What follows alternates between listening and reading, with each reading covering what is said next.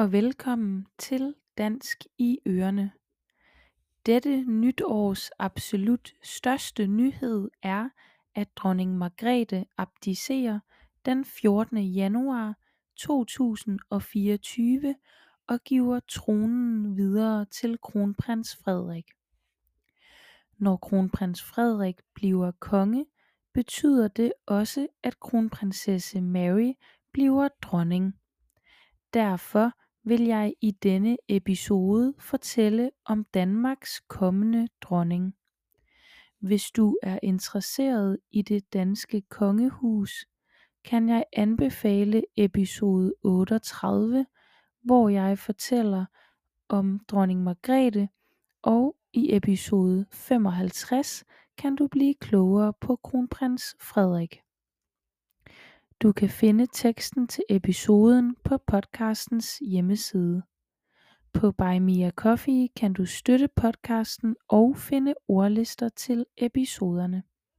Mary er født den 5. februar år 1972, hvilket betyder, at hun er 51 år gammel. Mary er født på Tasmanien i Australien og blev døbt Mary Elizabeth Donaldson. Hendes forældre hedder John Dalgleish Donaldson og Henrietta Clark Horn. Mary har tre ældre søskende, to søstre og en bror. Marys forældre er begge oprindeligt fra Skotland, men flyttede til Australien før de fik børn. Som barn var Mary glad for at dyrke sport. Hun spillede blandt andet basketball og hockey. Mary var også meget interesseret i musik og spillede både klaver, fløjte og klarinet. Mary og familien boede to år i USA, da Mary var helt lille, fordi hendes far arbejdede på Johnson Space Center i Houston, Texas. Udover et par år i USA har Mary gået i skole på Tasmanien. I år 1995 afsluttede Mary sin bachelorgrad i jura og erhvervsøkonomi fra University of Tasmania. Efterfølgende tog Mary kurser i marketing og markedsføring. Da Mary var færdig med sin universitetsuddannelse flyttede hun til Melbourne hvor hun fik arbejde med markedsføring og kommunikation. I år 1997 døde Marys mor efter en hjerteoperation. Et halvt år efter morens død sagde Mary sit job op og rejste rundt i Europa og USA i en periode. Mary vendte tilbage til Australien og fortsatte sin karriere i Sydney. Mary var altså en helt almindelig ung kvinde fra en helt almindelig australsk familie. I år 2000 blev OL afholdt i Sydney. Under OL tog Mary på en bar med nogle veninder. Tilfældigvis var kronprins Frederik på den samme bar sammen med sin bror og nogle af sine royale venner. Mary og Frederik faldt i snak, og Mary vidste ikke, at Frederik var den danske kronprins. Senere på aftenen fandt Mary ud af, hvem det rent faktisk var, hun snakkede med. I den efterfølgende tid rejste kronprins Frederik på en række hemmelige rejser til Australien for at besøge Mary.